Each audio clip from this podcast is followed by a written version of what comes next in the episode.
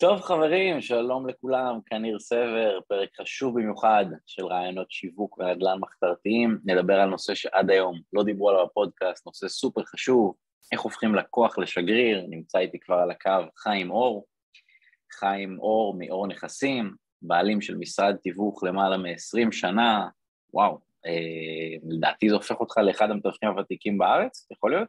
לא יודע, לא בדקתי, אני רק זוכר שעוד היה לי שיער כשהתחלתי.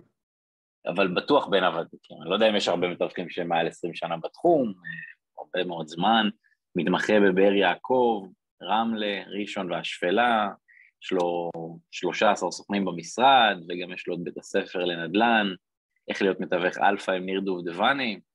יפה, הרבה קורות חיים. מעבר להקדמה הזו, יש עוד משהו שאתה רוצה לספר על עצמך לפני שאנחנו נכנסים לתוכן? אה, לא, אני יכול לספר מאיפה התחלתי, זה יעניין אנשים. אה, ואיך הגעתי בעצם לתחום הנדל"ן. אה, בערך בגיל 21 ישבנו חברים בערב אה, של סוני, וחבר מכר את הבית, וכשהמתווך הגיע, הוא היה מדבר על פינוי שלו פינוי ועל מחיר שהוא לא מחיר, והיה קובע איתו פגישות ולא מגיע, היה מגיע לפגישות, לא מספר לו מה היה אחרי, ואז אמרתי לו, ניר, מה הבעיה? אז עד מתי הבלעדיות? ואנחנו נמכור את הבית. הוא אמר לי, מה לך ולנדל"ן? בית עוד לא מכרתי, אבל מכירות אני יודע, ובואי ננסה, אין מה להפסיד.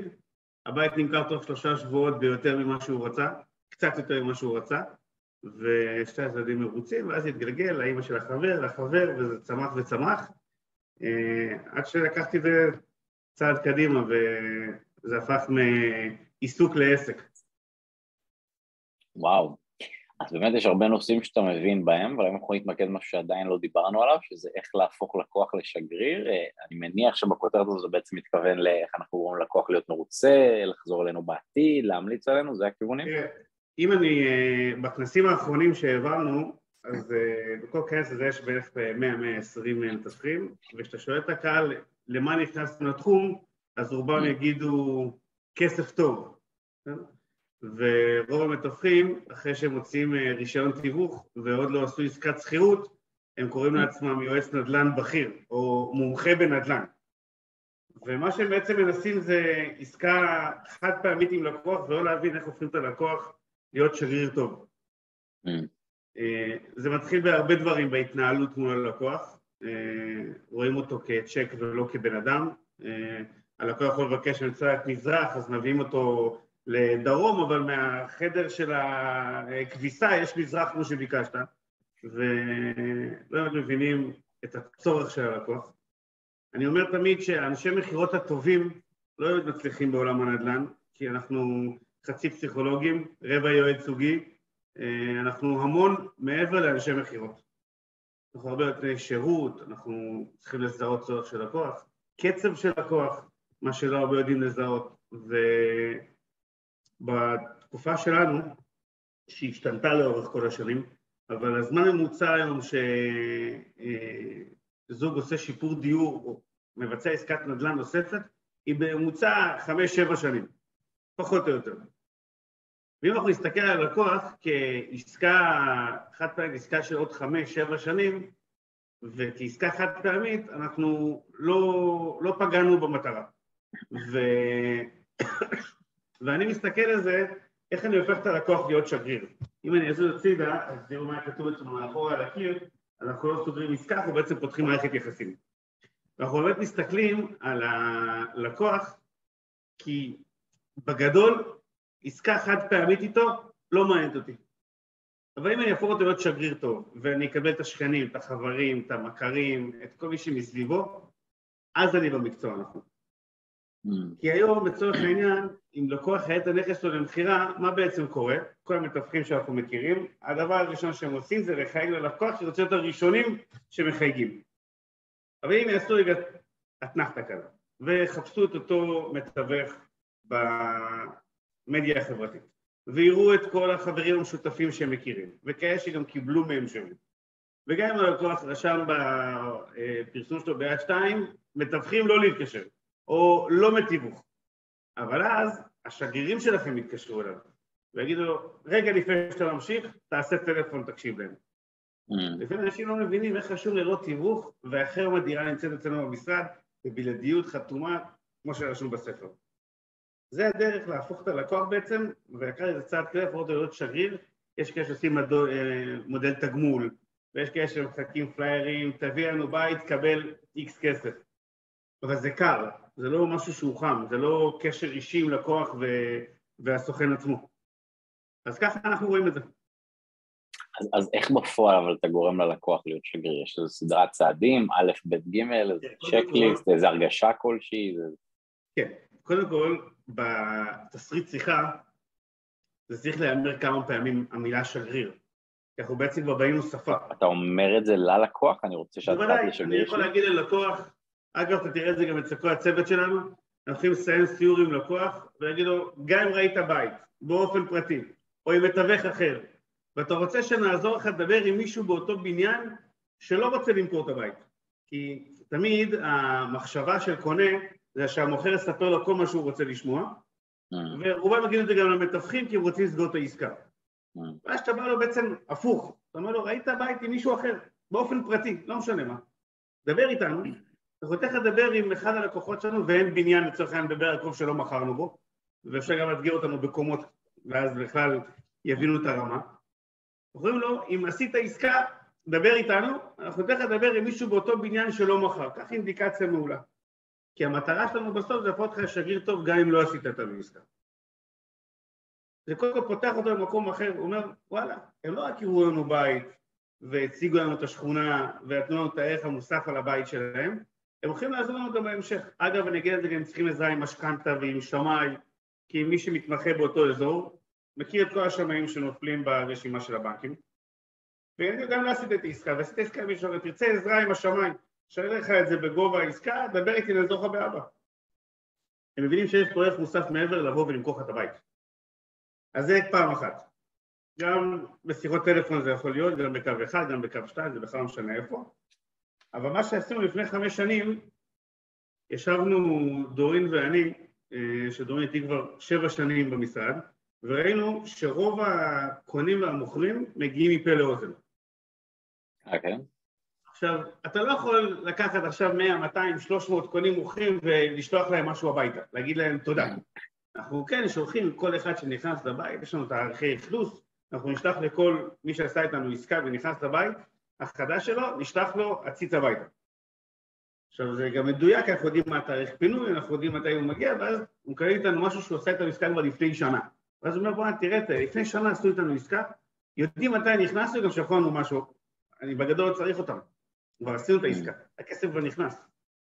אבל אתה מסתכל עליהם, איך אתה לוקח אותם והופך אותם להיות מחלקת שיווק מאוד מאוד גדולה. אז כשראינו שרוב הלקוחות מגיעים בעצם מפה לאוזן, חשבנו מה לעשות.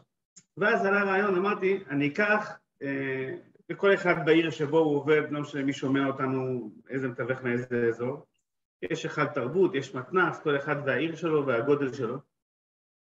סגרנו את המשכן ומעונות הבמה, זה אולם של 400 איש. עברנו את כל הקונים והמוכרים, בזמנו עוד יכולנו, כי היה לנו את הזמן לעבור. כנס לקוחות. עשינו כנס, אז הכנס הראשון, קראנו לו ערב לקוחות. Mm. לקחנו את יום ראשון, שזה היה היום הכי זול בשבוע, ולקחנו את בן בן ברוך, שהיה בדיוק רגע לפני הפריצה שלו ואף אחד לא ידע מי הוא, הוא היה מדפיס כמעט הכי זול שמצאתי. הוא היה דירה לפני פינוי-בינוי, זו ההזדמנות. נכון, נכון. נכון.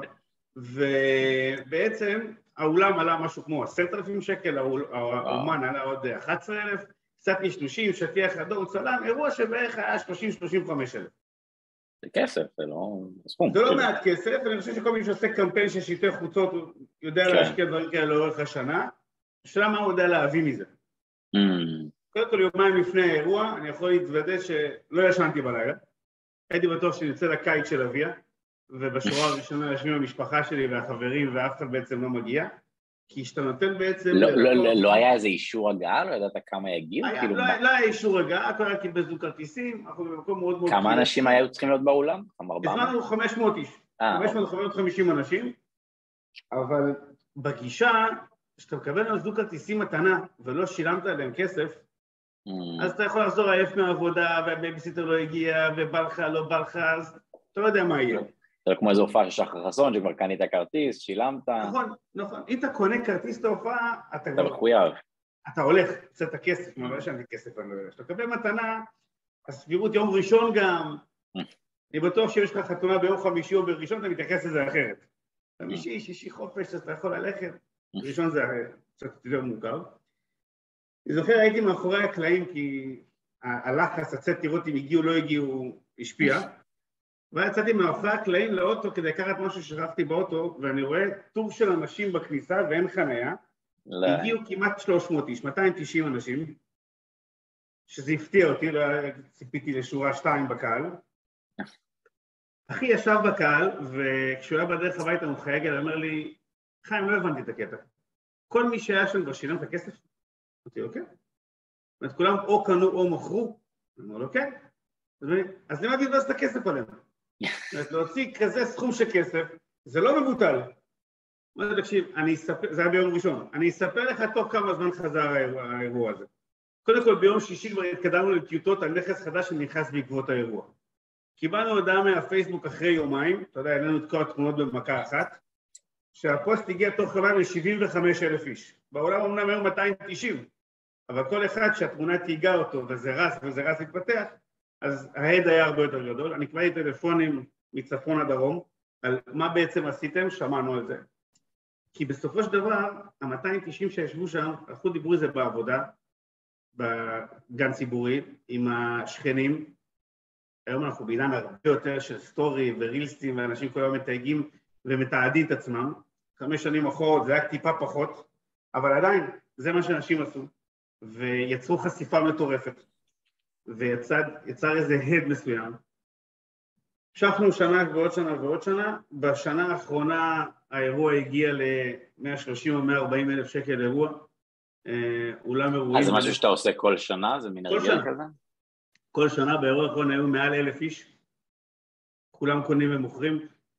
לקחנו כבר אולם אירועים כדי שזה יכיל את כולם, קיבלנו חסויות מעורך דין, יועץ משכנתאות, אה, בנק יענו, חברת ביטוח, הפעלנו את זה הרבה יותר. לקחנו מעסקים מקומיים, אגב כולם יכולים לעשות את זה גם, לקחנו מעסקים מקומיים, אה, כשאנשים נכנסו לאולם התיישבו בכיסאות רנדומלי, לא היה מקומות מסומנים, וכשהתחלנו את הערב, אמרנו לכולם תרימו את יד שמאל ושלחו את היד מתחת לכיסא.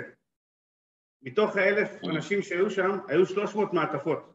זה היה אה, אלכוהול, מחנות אלכוהול בבאר יעקב, ומהסופר, והספר... מה זה, היה שובר או פיזית האלכוהול? שוברים מתנה. לא בוא תקנה, תקבל 20 שקל הנחה. והיה מעטפת כסף ריקה. מעטפה שצבענו בצבע כסף.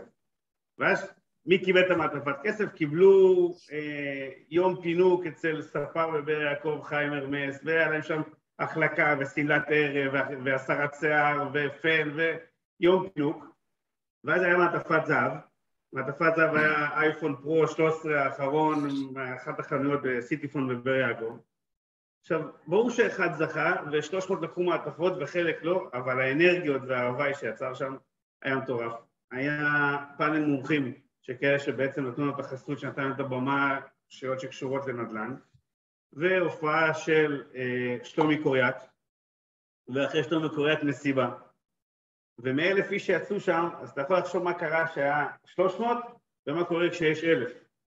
ומה העד שאתה יוצר. אז אם אתה בהתחלה אומר להם שגריר ושגריר, ואז עושה להם פעם בשבוע, פעם בשנה, סליחה, ערב שגרירים גם, זה סוגר את הקונספט של איך אתה הופך לקוח לשגריר. אני חושב שבעצם כשעשית את האירוע הראשון שלך, היית אחרי 15 שנה בתחום כשעשית את האירוע הראשון, נכון. והיה לך בעצם 300 אה, אנשים שמכרו לא, וקנו דרכך, אבל... לא, אז אני, לא, אני אומנם 21 שנה בתחום, אבל אני גר בבאר יעקב תשע וחצי שנים. אוקיי. ובשנה הראשונה התעקשתי לא לעבוד בבאר יעקב, ורק לפני שמונה וחצי התחלתי בעצם את הפעילות בבאר יעקב, זאת אומרת הערב שגרירים הראשון היה שנתיים אחרי שהתחלתי פה. למה לא רצית לעבוד איפה שאתה גר, כאילו מה... אני ראשוני במקור, והיו לי כל אוקיי. מיני עסקים בראשון. אוקיי. וראשון אמנם היא עיר גדולה, אבל היא גדולה קטנה, וכולם מכירים את כולם. ורציתי להיות אנונימי בעיר של חדשה שנכנסתי אליה ואני כמעט ולא mm. מכיר אנשים. אבל mm. אתה מבין, וזה שאני תמיד מספר למתווכים, שעברתי את כל התהליכים, מלעבוד לבד, בלי משרד, עם משרד, צוותים, עוד סניפים. הכי נכון למתווך לעבוד בעיר שבה הוא חי. הוא מכיר יותר אנשים, מכירים אותו יותר אנשים, בקהילה יכירו אותו יותר, אם זה החוגים, הבתי ספר, הגנים, אתה מפתח אינטראקציה עם אנשים בהם אתה גר. מעבר לזה שזה לא נכון לנסוע כל פעם לפגישה, ללכת, לחזור, זה מטרטר אותך ולא באמת נותן לך התמקדות בעבודה. נשמע שבתפיסה שלך מתווך הוא איזה אמור להיות מין אושייה קהילתית כזו, סוג של מין סלב כזה, ככה אתה רואה את ה... לא, לא יודע אם להגיד סלב או, זה, לי דוגמה, לי מפריע באופן אישי אה, מתווכים שתורמים לקהילה ועושים מזה פרסום לצורך העניין, בסדר? Mm. אה, אם זה בפסח, אם זה עוזרים לאנשים שצריכים אה, ארוחת חג או לא משנה מה, זה לי מפריע. מי שעושה זה מתחת לרדאר, לדעתי, זוכה למצווה הרבה יותר גדולה. אבל אם יש מרוץ, או יש קבוצת כדורגל, או יש פעילויות כאלה או אחרות שאתה יכול לתת את החסות ולתת את הבמה ולעזור לקהילה, זה כן באהבה. זאת אומרת, יש הבדל בין אה, לעזור משהו ספורטיבי או איזה אירוע כזה או אחר כדי לייצר חשיפה, זה חד משמעית כן, אבל יש דברים שהייתי מעדיף שפחות אה, ייראו לעין וכאלה. אה, אני יכול לתת לך דוגמה איפה כן, לא היה אכפת לי שיפרסמו משהו שעשינו. אה, יש את האופנוענים של מד"א, שהם עושים אה, החייאה והצלת חיים, ו... והיה איזה פוסט בברקוב שנגנב המכשיר החייאה מהאופנוע.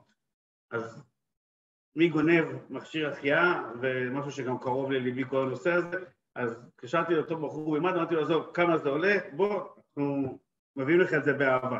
אז אחרי זה עשו על זה פרסום וזה אחלה וזה נחמד, אבל יש הבדל בין משהו שדוגמה מד"א ומציל חיים. זה קטעתי אותך, היית פשוט באמצע אה, התיאור של ה... אה, דיברת על ראשון, אז בואו נמשיך משם.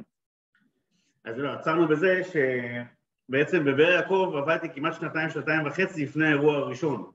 Mm. זה לא מספיק זמן למלא אולם, אמנם היו לנו 500 אה, פלוס מוזמנים, זה, אתה יודע, אתה יכול לנתח את זה לבד אחורה, זה מעל 100 עסקאות בשנתיים. זהו, אז מה שרציתי לשאול אותך קודם, מה עושה מתווך שאין לו 300 לקוחות? שהוא לו חמישה לקוחות. עבדת איזה 15 שנה עד שהגעת למספרים האלה, בשנה הראשונה לא היה לך 300. אה. נכון, אבל אני, אבל תעשה, עד לפני אה, שמונה וחצי שנים, היו לי עוד עסקים. הייתי סמנכ"ל ברשת בגדי מעצבים בראשון ובכל מיני אזורים בארץ שפתחנו אחר כך. הייתי מנכ"ל ברשת של נעלי פאולה, ואחרי זה היה לי ארבע שנים זיכיון של מזון מהיר, מי שראשוני מכיר את פלאפל בריבוע, שזה היה עוד אה, העיר הראשונה ששם זה התחיל. Mm. ואז החלטתי שאני עוזב את כל העיסוקים האחרים ומתעסק רק בנדל"ן. נכון, היו לי הרבה עסקאות לאורך השנים. כמה, כמה זמן בעצם לקח לך, בוא נגיד, מזה ששיחקת בנדל"ן לבין זה שנכנסת עולים? אמרתי, יש הבדל בין לעסוק בנדל"ן לבין להפוך את זה לעסק רציני. Mm. באיזשהו שלב הבנתי שזה מה שאני הכי אוהב, זה מה שאני רוצה לעשות. אגב, לא רק הכסף משך אותי, כמו שאנשים אומרים בהתחלה, אלא כל האינטראקציה עם אנשים, וה, והחיבור שיש, והמשא ומתן, וגיוסים, ושיווק, ואני חולה על שיווק, אז משהו אחר משך אותי לשם.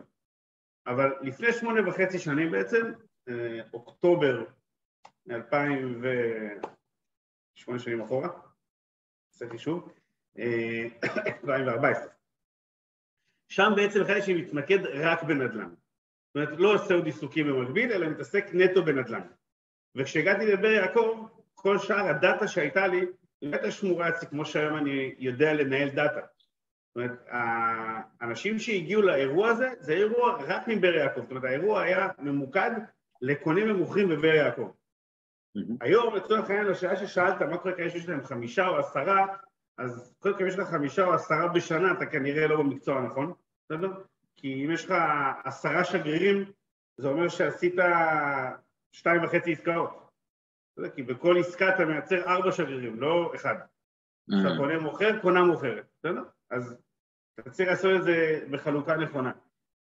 להביא עשרה אז כנראה אתה לא במקצוע הנכון, אבל אם אתה יודע לנהל דאטה מסודרת, את כל הקונים שלך להכניס לתוך מערכת מסודרת, ולטפל בהם בצורה נכונה, כשאתה אומר כן, דאטה, אתה מתכוון גם ללידים או רק לאנשים שקנו, או גם לאנשים שהתעניין? לא, אם הייתי צריך לעשות לידים הייתי מבקש מיד גולן שיפענן לי את אה, בלומפילד באירוע הבא שלו.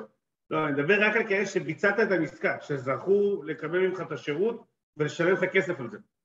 אוקיי. אתה לא יכול להזמין כל, כל קונה שיש לך. מי שיודע לנהל אגב דאטה נכונה עם כל ליד שהוא מקבל, הלידים הם אינסופיים. אם אתה יודע לצבוע קהלים, זה אולי לזום אחר, אבל אתה יודע לצבוע קהלים, יש כמות לידים בלתי נגמרת. אז אתה לא יכול לעשות אירוע ללידים. אתה עושה אירוע לשגרירים, לכאלה שחוו את השירות וממשיכים איתך הלאה בתור מחלקת שיווק. והעלית איזה מישהו לבמה שייתן איזה פידבק, משהו מהקהל?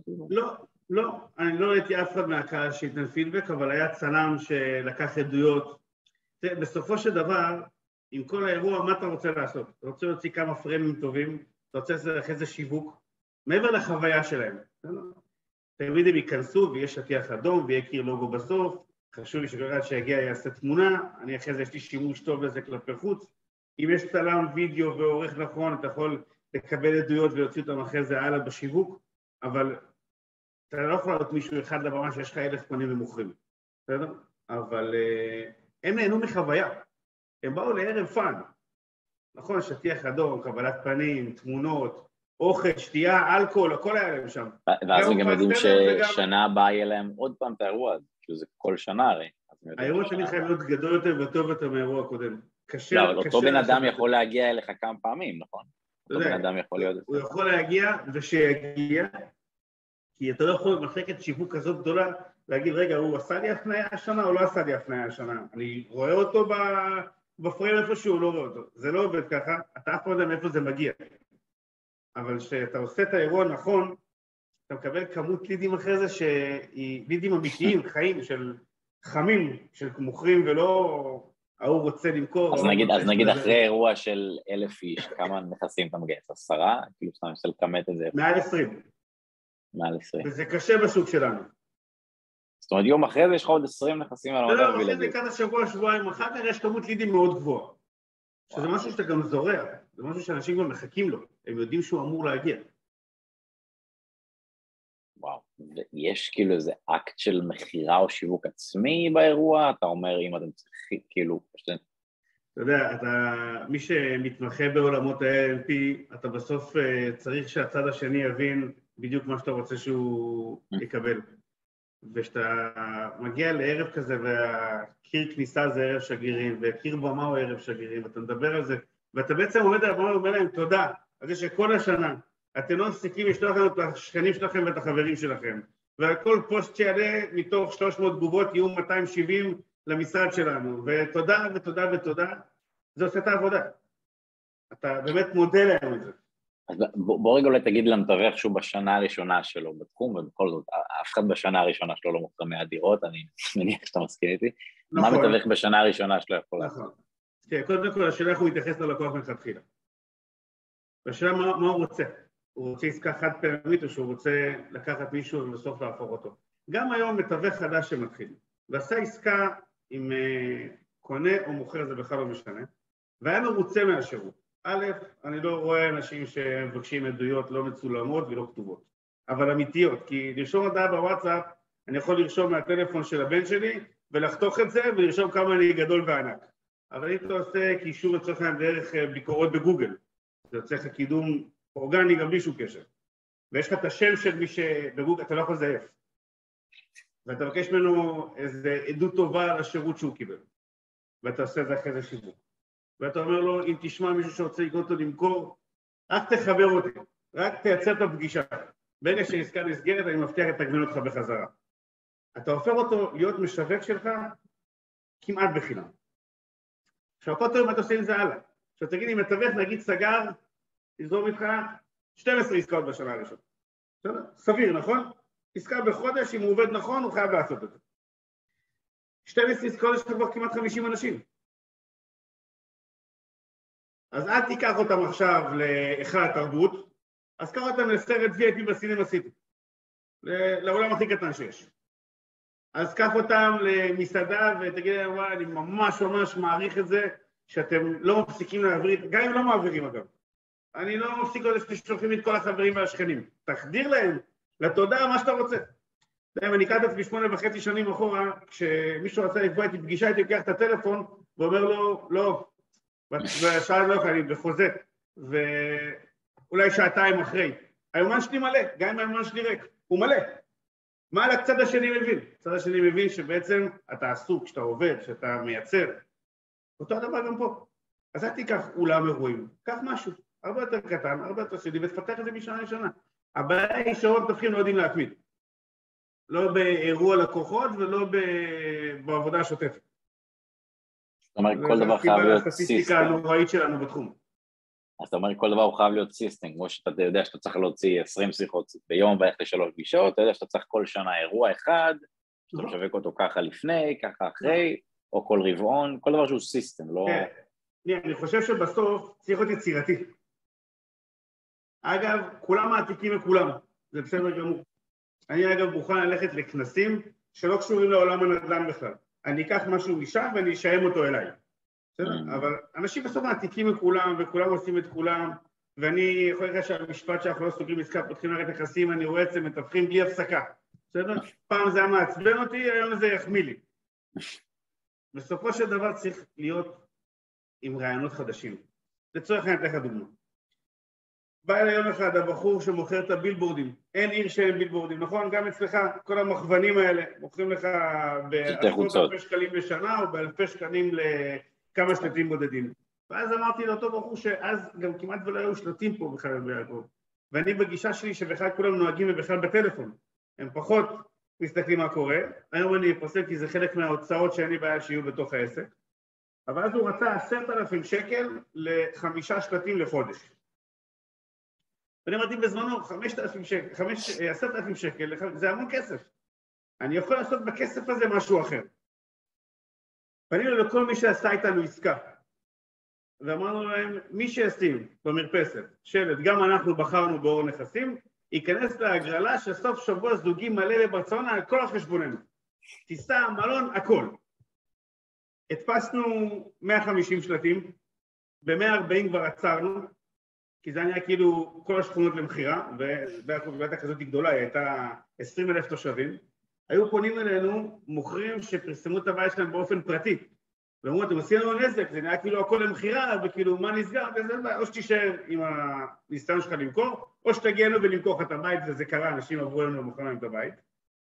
ואחרי חודש באמת הגענו לסוף שבוע זוגי לברצלונה, היפה, שאני מדבר על שגרירים, אז היופי שאנשים שקיבלו איתנו את ההודעה, אם אתם רוצים להשתתף בהגרלה, כמעט כל התגובות היו, תבוא תשים את השלט, אנחנו מפרגנים לכם, גם בלי להיכנס להגרלה. וזה בעצם מה שאתה מצליח לייצר אה, בתוך קהילתיות, להתבלט, לתת להם באמת ערך מוסף ולקבל הערכה אמיתית, כי זה בסוף, אתה לא רק מכרת להם בית, אתה מלווה אותם בתהליך, יכול להגיד לך שאנשים, שסוכנים שלי בצוות, עוזרים לכאלה שגרים בעיר רחוקה והם עשו איתנו עסקה והעסקה, מן הסתם רובם עוברים בחודשי הקיץ וצריכים עזרה בינואר, פברואר עם רישום לבתי ספר והגנים. שיכול לנו ייפוי כוח, אנחנו נקפוץ, העירייה, המועצה יושבת דקה מאיתנו, כבר מכירים אותנו, אנחנו נכנסים, עושים לכם רישום בדקה, אל תבואו במיוחד. עכשיו בוא, זה לא משהו שמתווך צריך לעשות, זה גם התפקיד שלו, אבל אתה מייצר בקהילה שלך באמת שגרירים אמיתיים, זאת אומרת, להגיד ערב שגרירים ולהתייחס אליהם כל השנה כאילו הם לא קיימים, זה לא עובד. Mm.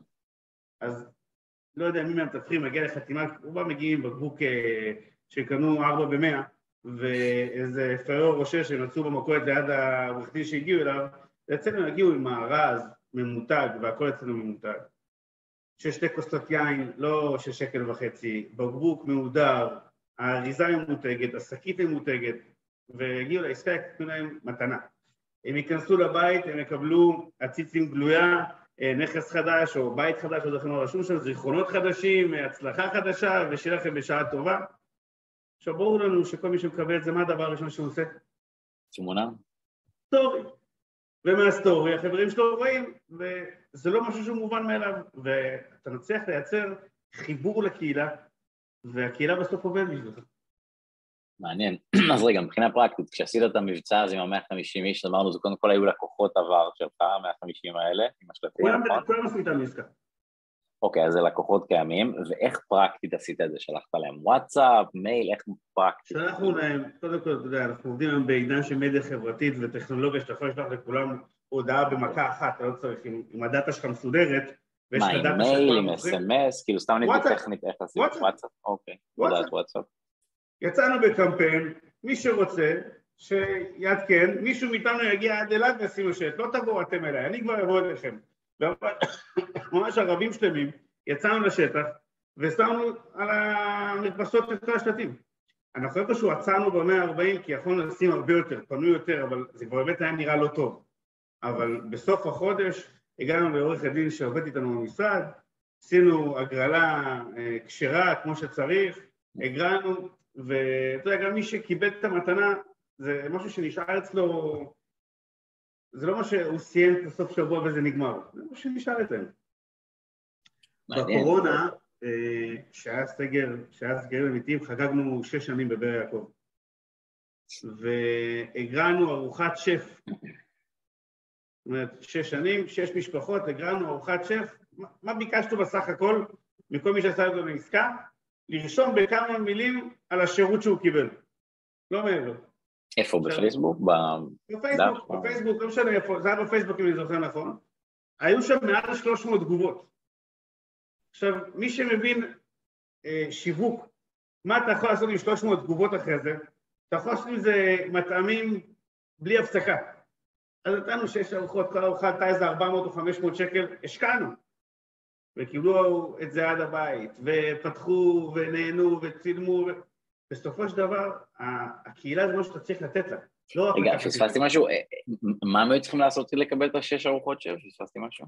רק, רק לרשום תגובה על השירות שהם קיבלו בפוסט שהיה מיועד לזה. שזה פוסט שהיה בפרופיל שלך או בדף העסקי? איפה היה? בעמוד העסקי או בפרופיל שלי, לא זוכר בדיוק, נראה לי זה היה בפרופיל שלי וגם בעסקי. אז זה היה תגובות מתחת לפוסט שלך. וגם בפורומים של באר יעקב.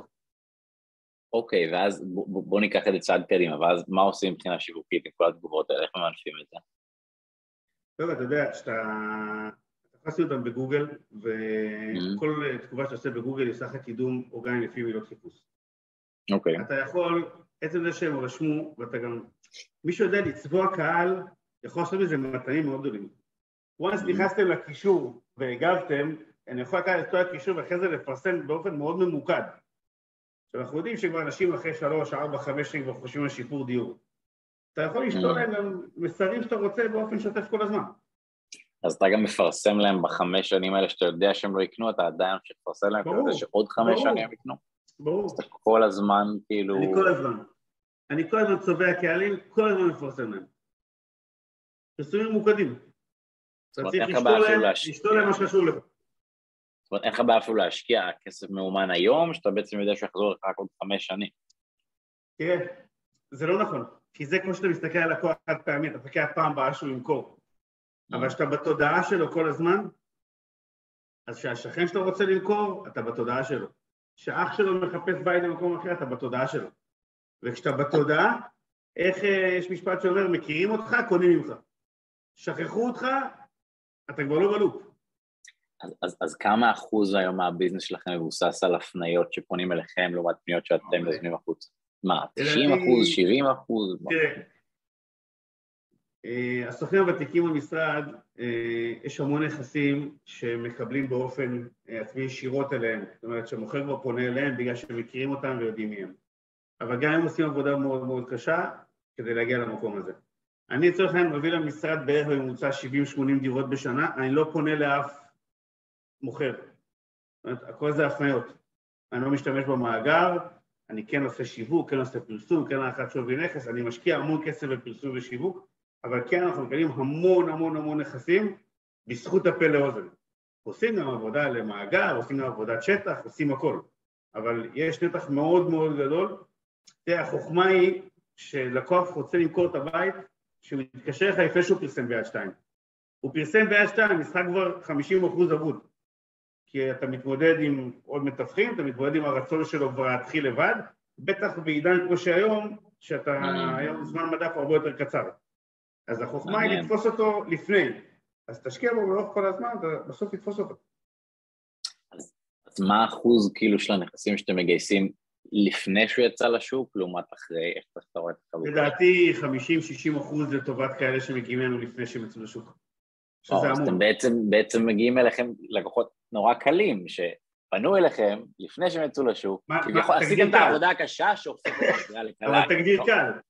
לא, לעומת להתקשר לליד קר מיד שתיים, לשמור, על, לשמור איתו על קשר כל השנה ולעשות אירוע מאוד גדול זה לא קל. לא, אז אני אומר, אתם עובדים קשה בשיווק כדי שיהיה לכם נכון. יותר קל במכירות, זה בעצם מה שאני מנסה להגיד. אבל אתם מכירים אותך וקונים ממך.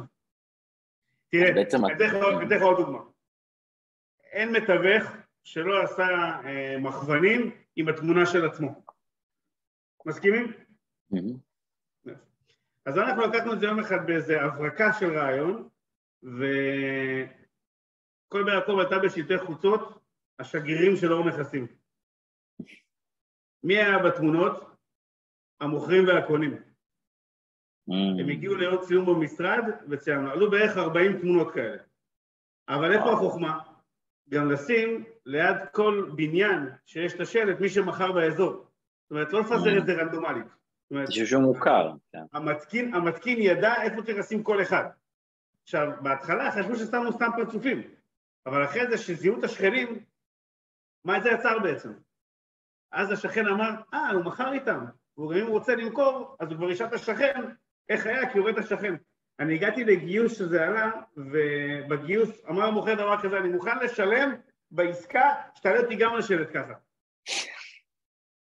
זה כבר נהיה קטע. שיצר באז, וכשהבאז הוא חיובי, ואמיתי אגב, מי שמחרטט אין לו מקום בעולם שלנו. זאת אומרת, מי שעושה פרסום שהוא אמיתי והכל הוא נכון, בסופו של דבר זה חודר גם בצד השני. וואו. טוב, באמת העלית פה כמה דברים יצירתיים שלא שמעתי עד היום, אז דיברת על כנסי לקוחות, אה, שף, מתנות הביתה, תמונות של הלקוחות, פספסתי משהו? טיסה לחו"ל? טיסה לחו"ל, מה עוד היה לנו? באמת הרבה רעיונות ש... ארטיקים לילדים בחופשים, בגינות. זה לא שמעתי, מה זה השנייה? עם האוטוגלידה ביחד, כל הצוות עולה לאוטוגלידה ומחלק ארטיקים בכל הפארקים. יש לך אוטוגלידה ממותג משלך? אין לי, יש פה אוטוגלידה שמסתובב בגינות, גם אצלכם בכל עיר. ואמרנו, כמה אתה מרוויח ביום עבודה? עזוב את היום עבודה שלך, אני אשאר לך את היום עבודה. עלינו כל הצוות לאוטו, חלקנו ארטיקים בכל הפארקים. עכשיו, אני לא בונה את דור העתיד, הילד בן שש לא מעניין אותי כרגע.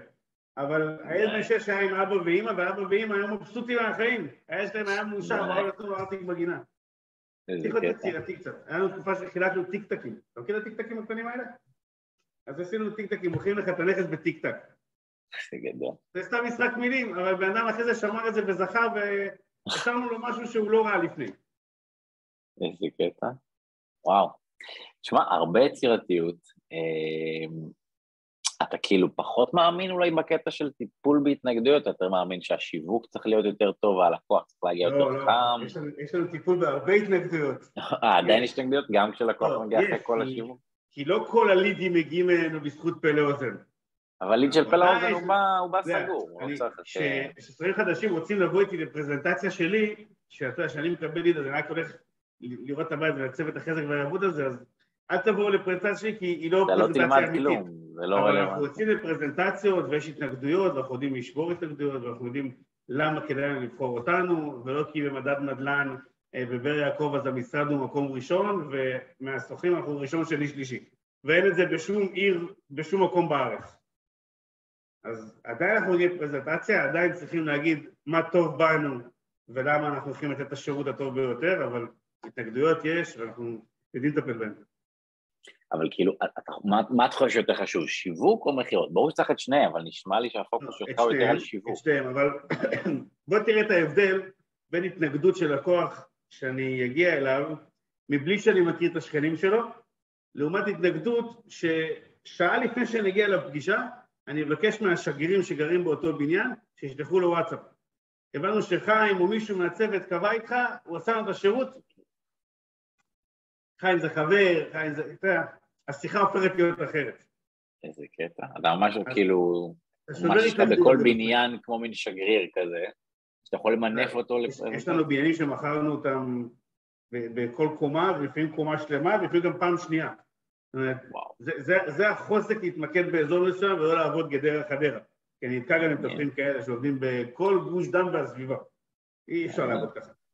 אתה מאבד הרבה זמן. לא, אבל גם המתווכים שהם כן באזור התמחרות, הם לא עושים את הטריקים הקטנים האלה שאתה מדבר עליהם עכשיו, כאילו, זה דברים שאני שומע פעם ראשונה, הקטע הזה של להגיד לשכן, לשלוח הודעה, יכול להיות שבאמת הם מכרו לשכן קומה למטה, פשוט כאילו הם לא... הוא לא בראש שלהם ככלי מכירה, כאילו. אז אם יש לך את הכל מתובנת, מסודר, ואתה יודע מי מכר באיזה בניין, ואם אתה לא זוכר, אז תבקש מהוותיקים במשרד שיעזרו לך לגייס, כי בסופו של דבר, מה שחשוב זה יהיה במשרד שלך ולא במשרד אחר.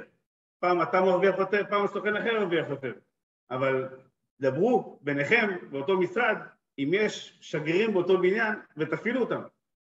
לא, כי אני אומר לך, אני מכיר מתווכים שהם כן באזור התמחות, הם כן מכרו בבניין, השכן למטה, הם פשוט לא משתמשים בו לפרזנטציה כמו שאתה משתמש. כבר יש להם את ה... יהיה להם יותר טיפול בהתנגדויות. או שהם יפסידו את העסקה לא. למישהו אחר.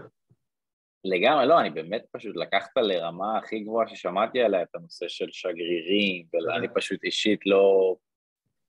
כאילו, ראית עוד מישהו עושה את הדברים שאתה עושה, או שאתה בין הבודדים שעושים את זה? כן, אני פחות, אני, יש לי בפייסבוק לצורך העניין, לא יודע, אלפיים או שלושת אלפים מתווכים. אתה לא... אני לא, אני לא באמת מגיע לראות, מבחינתי הפייסבוק הוא כלי שיווקי, אני אומר את זה גם לכל הצוות, יש לכם עיתון יומי, מה שתזכרו לקוראים שלכם לקרוא הם יקראו, אני פחות נכנס לעיתונים של אחרים, הזמן שלנו מוגבל, ואם אני אפתח את הטלפון אני אשאב לפייסבוק, אינסטגרם וכאלה, אני פחות. יש המון מתווכים שעושים עבודה מאוד מאוד יפה, אני כן רואה, אני כן נחשף לכאלה שמככבים במקומות כאלה ואחרים. אני חושב שיש מתווכים מעולים, ויש כאלה שעושים שם מאוד מאוד טוב למקצוע, והלוואי ורף המקצוע יעלה בצורה כזאת שיהיה מאוד קשה להיכנס אליו. לצורך העניין, סתם שלא קשור לשגרירים, כשהורידו את אה, עלות רישיון התיווך השנתי, אותי זה מאוד עצבן. ואני רציתי, למה שזה יהיה 200 או 300 שקל ועולה 2,000 שקל? ואז כל החאפרים שמסתובבים, הם לא, לא ישלמו את זה כי הם באים מחפשים איזו עסקה ולא באמת מחפשים לייצר שגרירים, מחפשים את הכסף הקל. וזה אחת הבעיות שיש לנו במקצוע, אבל... גם היו איזה דיונים בשנתיים האחרונות על אה, להוריד את הרישיון תיווך, בטח שמעת על זה. שמעתי, הייתי מעורב בחלק משיחות כאלה ואחרות, הבנתי שזה ירד מהפרק לשמחתי, אה, גם ככה השוק שלנו הוא שוק פרוץ, ולהוציא רישיון ציבור אתה צריך סוף שבוע אה, מרוכז וללמוד ולהוציא אותו, אבל להוציא את הרישיון זה לא החוכמה. אגב, גם אם היו מבטלים את הרישיון, שהיו חלק מבעלי הרשתות שמאוד תמכו בזה גם, כי אז הם היו יותר מממנים את הבית ספר שלהם, הם ממנפים את הבית ספר כדי ש... אתה היית נגד ההחלטה הזאת? אני הייתי נגד החלטה שיבטל את הרישיון, להפך, אני חושב שצריך אה, להעמיק אותו יותר, אני חושב שיש היום בישראל מעל 20 אלף מתווכים, אני לא יודע איפה הכסף של האגרה שהם משלמים הולך, ולא עושים מספיק הכשרות, ואני חושב שלקחת את התחום שלנו כמה רמות קדימה, הלוואי והיינו לומדים מארה"ב ועובדים בשיטה קצת אחרת, שהמתווך הוא, הוא חצי אלוהים בעסקה, אבל uh, זה התחום שלנו, אנחנו צריכים בחלקת האלוהים הקטנה שלנו להעניק הרבה ערך לתת ללקוחות להבין שאיתנו הם עושים את העסקה הטובה ביותר, להוביל אותם בתהליך ולא רק למכור להם את הבית, אה, לקחת אותם מההתחלה עד הסוף ולא בחתימת חוזה לחכות לצ'ק וללכת, אלא לתת להם באמת להבין שהם עשו עסקה טובה וגם להיות איתם בקשר אחרי וגם אם נכנסים הם צריכים עזרה וצריכים משהו ועוברים מעיר לעיר ולתת להם את, ההרגשה שהם הגיעו לבית ולא עוד מישהו שקנו או מכרו איתו. אתה, אני מניח שגם לך לא הכל ורוד ולא הכל דבש, ובטח גם היו לפעמים לקוחות שפחות היה לך כימיה איתם, ופחות העריכו, גם אליהם אתה משתדל להיות נחמד, ולשים את האגו בצד. לא, קודם כל כן, אנחנו נהיה נחמדים לכולם, כי בסופו של דבר אנחנו לא יודעים באמת מה עובר על הצד השני, באיזה נקודת זמן תפסנו אותו. אז אין אצלנו אה, חלוקה מי מוזמן לאירוע או מי לא, או מי לא בא לנו טוב ופחות נזמין אותו, לא. אבל אני אומר שאם... יש את השלושה אחוז האלה שפחות אוהבים אותך, או אתה פחות בא להם טוב, אז סבבה. כל זה נשאר במסגרת האחוזים הקטנים. אתה עדיין אבל תביא להם את המתנה, אתה עדיין תעזור. אני עדיין נשלח, אני עדיין נשלח כי, שוב, מי שבאמת מבין את המהות של המקצוע שלנו, אנחנו לא באמת מציגים בית. זאת אומרת, אתה לא הראת להם, הנה עיני המטבח ופה סיימת העבודה שלך. יש שתי זוגות צעירים הרבה חשש והרבה פחדים ובעיות בין ההחלטות שהאישה רוצה והבעל לא רוצה, או זוגות שנפרדים וצריך לעזור להם אחרי זה להתקדם, או זוג מבוגר, שאתה יכול לעשות להם קמפיין של לעבור מגדול לקטן, למכור להם את הבית ולעבור איתם לבית יותר קטן, יש להם את החשש איך לשים את כל ה... מה שהם צברו כל השנים, אתה באמת חצי פסיכולוג וחצי יועץ זוגי, יכול להיות שתפסת אותם בנקודה שאומנם עשו איתך עסקה, אבל משהו שם לא, לא עבד כמו שצריך. וזה היה דווקא בגללי או בגלל מישהו בצוות, זה יכול להיות אותה נקודת משבר או, או שבר שהיה שם בתוך התהליך שלאו דווקא קשור אלינו. אז אני לא יכול לשפוט לקוח שהיה איתו יותר קשה או היה איזה פיצוצון איתו. אה, בסוף, אתה יודע, אנחנו צריכים לדעת, אה, אני אומר שאם התחלנו כחברים את התהליך, גם אם קרה משהו בדרך, אפשר תמיד לחזור אחורה ולהישאר חברים. בוא, בוא, רגע אני, בוא רגע אני אאתגר אותך, כי עד עכשיו דיברת על איך למנף לקוחות מרוצים להפוך לשגרירים. מה עושים עם לקוחות לא מרוצים? תראה, נתקעתי בכמה לקוחות שהם לא מרוצים, ואני יכול לתת לך דוגמה מהשבוע האחרון. לקוחה ראתה דירה ביום ראשון, לא רצתה לקנות את הבית, ביום שני אמרה, תשמע, חשבתי על זה, אני... כנראה שזו הבחירה שאני אקח, אני רוצה להגיע ביום חמישי בבוקר. קרה הגורל שברביעי בערב הדירה נמכרה. עכשיו, היא לא נמכרה כי מכרנו לה בכוונה. היה לקוח שהיה באותו בניין, נכנס לדירה, אמר, לא זוכר מי המתווך שראה את הבית, כנראה לא שמע אותו, יודע בדיוק מה היה, אני רוצה את הבית, אני רוצה המתווך, סגרו עסקה במקום עם בעל הדירה. שלחתי הודעה לקונה, מתנצל, אני אהפוך את העולם עכשיו, אמרתי למצוא לך דירה, התבאסה, אני מבין את הכעס, חיכיתי עוד יום, עשיתי עוד פעם שיחת טלפון, אני מאמין שאם אני אמצא את הבית שהיא תקנה, אז זה קצת יעבור לה, אבל אי אפשר, אי אפשר שיהיה מושלם. אנחנו הולכים לעשות את הכי טוב שלנו, לא תמיד זה, הצד השני מבין את זה, גם הצד השני לא תמיד מבין את, ה, את העבודה הקשה שיש מאחורי הקלעים. היה לנו פעם לקוח שעשה סיור וראה כמה נכסים, בסוף הוא תיעדף שלושה. ואז הוא החליט שהוא רוצה להתקדם על נכס מסוים, והוא אמר, תן לי את הסוף שבוע. Mm.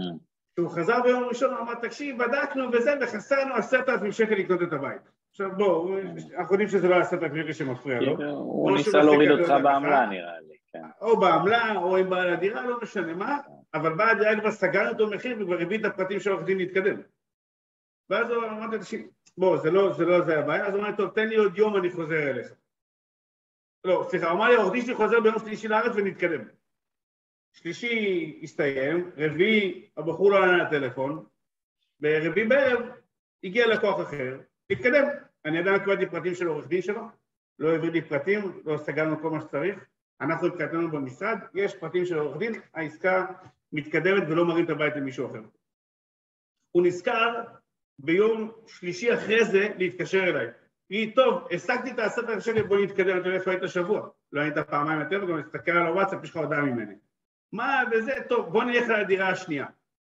אוקיי, אתה רוצה להגיע ביום חמישי בערב, אתה לא רוצה להגיע לפני? אמר לי, לא, אני אגיע ביום חמישי. ביום רביעי קיבל הודעה, הבית נמכר. אז הוא כעס, אני בטוח שהוא כעס. אבל יש דברים שלא תלויים בנו. אבל מה, מה פרקטית אנחנו או אתה צריכים לעשות, כאילו, להתמודד, להתקשר, כן, להתנצל, כאילו, מה, מה צריך לעשות? אני חושב שאנחנו צריכים להיות כנים ושלמים עם עצמנו קודם כל. בסופו של דבר מדובר ב... לא משנה אם זה זוג צעיר בלי ילדים, או זוג שיש לו חשש עם ילדים והוא עובר מעיר או בתוך העיר, אנחנו צריכים להבין את החששות שלהם. אז קודם אנחנו כנים וישרים עם עצמנו, והערכים שלנו יובילו אותנו בכל עסקה, ותשקף את זה לצד השני, אז הדברים יראו אחרת. כי יש הרבה שלא משקפים את הכל. אז אם אתה משקף והלקוח קיבל את ההחלטה, הוא יכול לכעוס על עצמו, לא עליי. אנחנו אגב היינו המשרד הראשון בארץ שקיבל תו אמון הציבור. אמון הציבור בזמנו, כשאני פניתי אליהם, אמרו, אנחנו לא עובדים עם מתווכים. ולקח לי כמעט שנה לעבוד עם עורכי דין באמון הציבור, על מנת שיש פה מקצוע שלם של אנשים שעובדים... אתה היית המתווך הראשון בארץ שקיבלת כן, כן. אחריי היו עוד לא מעט, אבל היינו הראשונים. אתה עשית את התקדים, את הפריצת דרך. לקח לי הרבה זמן להגיע לזה, התו הזה לא באמת, היום כולם מכירים אותו, אולי יותר, בזמנו הכירו אותו, אבל לא מספיק, אבל כשאתה גם אומר ללקוח ואתה משתף אותו, כשאתה המשרד הראשון בעצם, ש... אז, אז הוא מבין שהאמון והשקיפות הוא משהו שהוא אבן דרך. אז אם תהיה שקוף ואמיתי מהצד השני, אני מאמין שיהיה לך פחות התקלויות כאלה. אין לי הרבה כאלה אגב, ממש בודדים. אז, אז בעצם אתה אומר שאם לקוח לא מרוצה מאיתנו, אנחנו צריכים להתקשר, להתנצל, להסביר למה היה איזה אי הבנה, להסביר... לשקף. נכון. לשקף זה, זה כנות, מה זה אומר לשקף? זה להסביר? האמת, אמת. פחות חיתותים. העולם שלנו... נגיד, נגיד קבענו להיפגש בשבע והגעתי בשבע בעשרה, להגיד לו, שמע, יצאתי מאוחר מהבית. אה, לא, אז אני אגיד לך, יש לי משפט קבוע שמתווך הוא לא מאחר, הוא מתעכב בגלל הלקוח הקודם. אבל אם לקוח איחרתי לו בעשר דקות, א', אני אתקה אותו שאני בדרך ואני מאחר בגלל א', ב', ג', כן? אבל אם לקוח יפסול אותי כי איחרתי לו בעשר דקות, לא שזה תקין, אז אני חושב שהלקוח, הבעיה בלקוח לא בי, אבל אם תודיע לו... יש כאילו לקוחות שאתה אומר לעצמך, לא בא לי לעבוד איתו? כאילו, אתה... כן, אי אפשר להגיד את זה, יש, יש, אתה יודע, אתה יודע את זה אבל בדיעבד, אני לא אה, יכול לשאול אותך, יש אוכלי ראשים שיכולים לראות איתך דירות שנתיים ובסוף לא לקנות כלום, ויש את המתעניינים למיניהם שקונים, אני נתקלתי בזוג שלא התכוון לקנות בית, כל מטרת הסיורים שלו היה לראות איך הוא מעצב את הבית שהוא קנה באותו פרויקט. אז כן, אז לקוחות כאלה אני מעדיף שיכעסו עליי. כי באיזשהו שלב בזבזת לי את הזמן. אז מה אתה עושה? אז... מה אתה אומר להם? איך אתה פותח את זה? ברגע שהבנתי, וגיליתי את זה כזה, ב, אתה יודע, בדרך לא דרך, שהם בכלל רכשו בית בפרויקט וכל המטרה שלהם זה לבוא לראות עיצובים של בתים, אמרתי להם דוגרי, אם זו המטרה שלכם, שאלו אותי מתי יש לי פגישה, ותצטרפו לפגישה קיימת, ואל תבזבזים את הזמן. עכשיו, כשאתה שם את האמת בפנים ולא מחרטט, אז הלקוח גם מבין את זה אחר. לימדו אותי פעם שלא משנה מה אתה אומר, הכל תלוי איך אתה אומר. אז כמובן שלא התפוצצתי עליהם ולמה בידי... אבל בצורה יפה ונעימה אתה מעביר את המסר שאתה רוצה לצד השני. לא, מעניין שאפילו את זה הצלחת להגיד בצורה חיובית, וכאילו אפילו את זה הצלחת להציג כמו עוד שירות שאתה נותן להם. אם יש לי פגישה, אתם מוזמנים בכיף. נכון. כאילו אפילו פה הצלחת איכשהו להציג בצורה... הצוות יגיד לפעמים שאין לי אפילו הכנה לפיוס, יש כאלה עם פיוס קצר, יש כאלה שהם בלי הכנה. אבל זה יכול לעשות עם, ה... עם אנשים שאני מכיר ואוהבים אותי ואני אוהב אותם וקל לנו בדינמיקה. עם לקוח אתה לא יכול לעשות את זה. ואני לא אגיד לך שלא היו לי אה, מקרים עם לקוחות, זה בסדר, אנחנו בסופו של דבר בני אדם וגם אנחנו נמצאים בסיטואציות בחיים, אבל אה, אני חושב שכנות ושקיפות היא אבן דרך וכשאתה פועל ככה אז הרבה יותר קל, אתה, אתה מונע המון המון חיכוכים. ו- ונגיד בכל זאת היה איזה חיכוך או איזה אמוציות, יש לך איזה שיטה לחזור מזה, לעשות איזה קאמבק, לגשר? אני, אני מאמין ב face to face. ואם קרה מקרה ותגיע ללקוח עם, עם משהו ממך ותדבר על הדברים בנועם, גם אם זה עבר שבוע אחרי המקרה והלקוח נרגע, אפשר לעשות את זה אחרת, אפשר לשלוח הודעה, אפשר לשלוח משלוח גם, אתה יודע, תשלח לו הסעת פירות או משהו הביתה ותתנצל. לא בושה להתנצל, טעית. זה עבד לך? ניסית וזה עבד?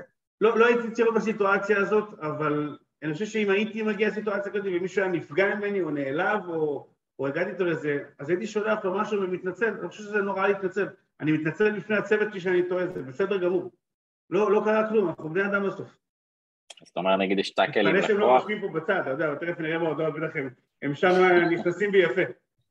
אז אתה אומר נגיד יש טאקל עם לקוח, לא לנסות לשלוח לו הודעה או טלפון, להגיד לו בוא נקרא פגישה, נדבר על דברים בארבע עיניים, זה מה אני... לא בטוח שיוצא לפגוש אותך, ואם תשלח לו משהו הביתה ותתנצל, ואחרי שאתה יודע שזה הגיע, תתקשר, אתה יודע, כל ההוא וואו והזה, פתאום נרגע ואתה יכול לקבוע פגישה, ואתה יודע מה, גם אם לא קבעת פגישה, והסברת את הדברים, ויצאת בסיטואציה שהבנתם אחד את השני, ושום דבר לא היה בכוונה, ודברים היו בתום לב, יצאת בסדר איתו.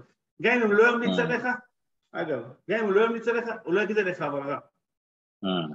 אז לא עשית 100% תיקון, עשית 50% תיקון ו-100% תיקון עבורך. כי מישהו שמדבר עליך רע זה... אה. הוא לא יפסיק לדבר, הוא יחפש הזדמנות להגיד עליך דברים רעים. אתה מרגיש שצריך להתנהל בצורה שונה מבחינת שפה, כימיה, גישה עם גברים, נשים, בני 20, בני 50, הייטקיסט, אדריכל, כן. נגר, כאילו, כן. יש הבדלים בין הלקוחות? אני חושב שהאנשי מקצוע הטובים ביותר, שהשורה התחתונה שלהם בסוף זה למכור משהו, כי אני אומר שהם מתווכים לא אנשי מכירות, אבל בסוף המכירה היא העסקה. אז האנשי מקצוע הטובים ביותר זה כאלה שיודעים לזהות את הקצב של הלקוח ואת הצורך שלו. מה זה אומר קצב של הלקוח? אתה, יש כאלה, אתה מכיר את אלה שנכנסים לחנות בגדים, נכנסים ישר לקולב, לוקחים מה שהם צריכים והולכים לקופה. ויש כאלה שצריכים ללכת ולהסתובב, אם נשתיק את זה לתחום שלנו, אז יש קהל שמאוד אוהב לקבל מלא מלא אינפורמציה. ככל שיהיה יותר אינפורמציה, יהיה לו יותר ידע כדי להתקדם. ויש כאלה שמגיעים, רואים מה רוצים להתקדם, לא, אין זמן חיטוטים.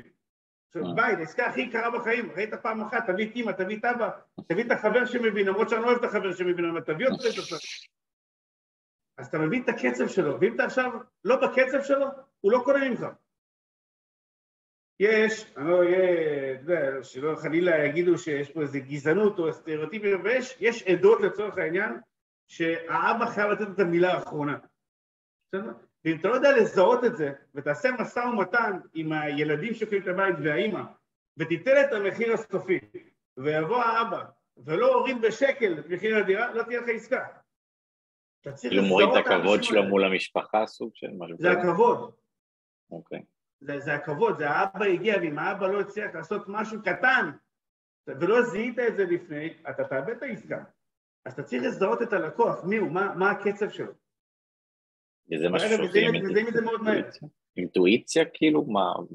שזה שיטה? קודם כל ניסיון, קודם כל ניסיון, ולהבין באנשים, בסדר? אתה נפגש עם מישהו, אתה יודע ישר להבין התנועות גוף, השפה, אתה יודע, אתה לא יכול לדבר עם אה, בחור או גבר בן 60 אה, שבא, סתם דוגמא, לא יודע, מאיזה חברה מאוד גדולה, ולהגיד לו אח שלי.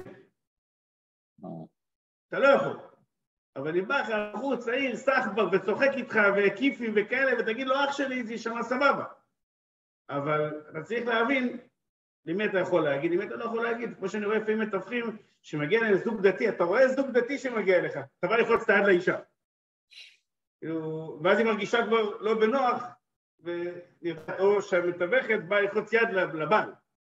וכאילו, סליחה, אני, אתה ייצרת כבר פער בין הקרבה ביניכם. אתה יודע, אז אני, כשאני רואה זוג שמגיע זוג דתי, אז אני נכנס את היד לגבר, ואני אגיד שלום לאישה בלי לחץ את היד. ואם היא תשיט לי את היד, אז כמובן שאני נכנס את היד, אבל אני לא אהיה זה שייזום וייתן להרגיש אי נוחות ברגע שפגשתי אותה. כלומר כזה, אם יש ספק, אין ספק. אני, אם אני לא נכון. סגור על זה, אני פשוט לא אעשה את זה. כאילו, נכון. אני אתן לצד השני. מין אה, יפה, מעניין. אה, אני רואה שאנחנו יחסים מתקרבים לסוף השעה, אתה רוצה אולי להגיד איך אפשר ללמוד ממך, איך אפשר להתקדם? אני לא אגיד איך אפשר ללמוד ממני, אני אגיד שאפשר ללמוד מכל בן אדם. אני גם היום אחרי עשרים שנה, אני מדי פעם מוציא פוסט, אני יוצא ללמוד במשרד תיווך אחר והולך לשבת איתם שעתיים, שלוש, מספיק שאני אקח מילה. אז ללמוד אפשר ללמוד מכל אחד. אם אתה פתוח ולהבין שבאמת מכל בן אדם השכלתי, זה לא משנה כמה זמן אנשים בתחום או מאיזה תחום הם. צריך לדעת שמכל אחד אתה יכול ללמוד משהו ואני אוהב ללמוד וגם היום אני מחפש תמיד ללמוד ולהשאיר את הידע כי אנחנו לא יודעים כלום. יופי, יש לך איזה סדנה, אני חושב, אולי אתה רוצה להגיד איזה מילה על זה? או... יש לנו קורס בעצם של אה, איך להיות מתווך אלפא, אה, שאני אעשה את זה עם אה, ניר דובדבני ביחד. אנחנו בעצם לוקחים את ה-20 שנה פלוס שלי ואת ה-15 שנה ניסיון של ניר במכירות ושיווק, ובהיינו קורס של שמונה או תשעה מפגשים, שבו אנחנו נוגעים כמעט בכל דבר שקשור בתחום שלנו. אנשים שאלו אותי, אני לא, קודם כל אני לא מנטור, אני גם לא מתיימר להיות מנטור. אני מחפש בקורסים האלה למצוא אנשים שהם ב-DNA שלי, שיש לי איזה כימיה איתם, ולשכפל את מה שאני עושה היום בכל מיני מקומות למקומות נוספים. זאת אומרת, הקורס הוא לא... כמובן שאנשים מגיעים, משלמים כסף לקורס וזה אחלה וזה יפה, אבל זה לא, זה לא מה שמניע אותי. מה שמניע אותי זה לחפש את האנשים הטובים בתחום הזה ולהביא אותם איתי ביחד, ואף אחד לא עובד אצלי אגב, כולם עובדים איתי, ולהביא אותם להיות איתי ביחד ולהתפתח איתם ביחד, ומי שהגיע לקורס וקיבל ידע ועשה משהו טוב ללקוחות שלו, וייצר שגרירים ועשה משהו טוב לשם של המקצוע, אז אני עשיתי את שלי. טוב, אה, מילות סיכום אה, באמת אה, יפות. אז תודה לך על כל הזמן, הטיפים, באמת היו פה גישה מאוד חיובית, מצד שני, מצד שני רעיונות מאוד יצירתיים, מצד שלישי גם באמת מאוד פרקטי וככה לא באוויר רק קרמה אלא גם אשכרה, כאילו בוא נראה איך אנחנו גם מייצרים קרמה טובה אבל גם דואגים להחזיר אותה אלינו כדי שנוכל להצליח בעסק שלנו, באמת, באמת אחלה וובינר, אחלה טיפים ומי שרוצה להצטרף אלינו לעוד פרקים כאלה אז אפשר לחפש ניר סבר ביוטיוב, בספוטיפיי, להצטרף אלינו גם לפרקים הבאים. אז uh, תודה לך שוב על כל הזמן והמידע, ומי שרוצה לעקוב אחריך, אינסטגרם אולי זו הדרך, או פייסבוק, או אתר, או איך שנוח. איך אתה ממליץ לעקוב אחריך? בכל מקום, פייסבוק, אינסטגרם, אתר, אפשר למצוא אוקיי, אותנו בכיף, לא נראה שזה כזה קשה היום, מי שרוצה למצוא מישהו ימצא אותו בקלות, ותודה רבה לך על, ה... על ההזדמנות, וכיף אה, לראות מה שאתה עושה. אה, אני לא מכיר במתווכים שככה נותנים כל הזמן, כל הזמן ערך, ומזמינים אנשים שייתנו מעצמם, שאפו ענק, תמשיך ככה. תודה רבה, אז ביי לכולם ושיהיה בהצלחה, ערב טוב, ביי ביי. ביי.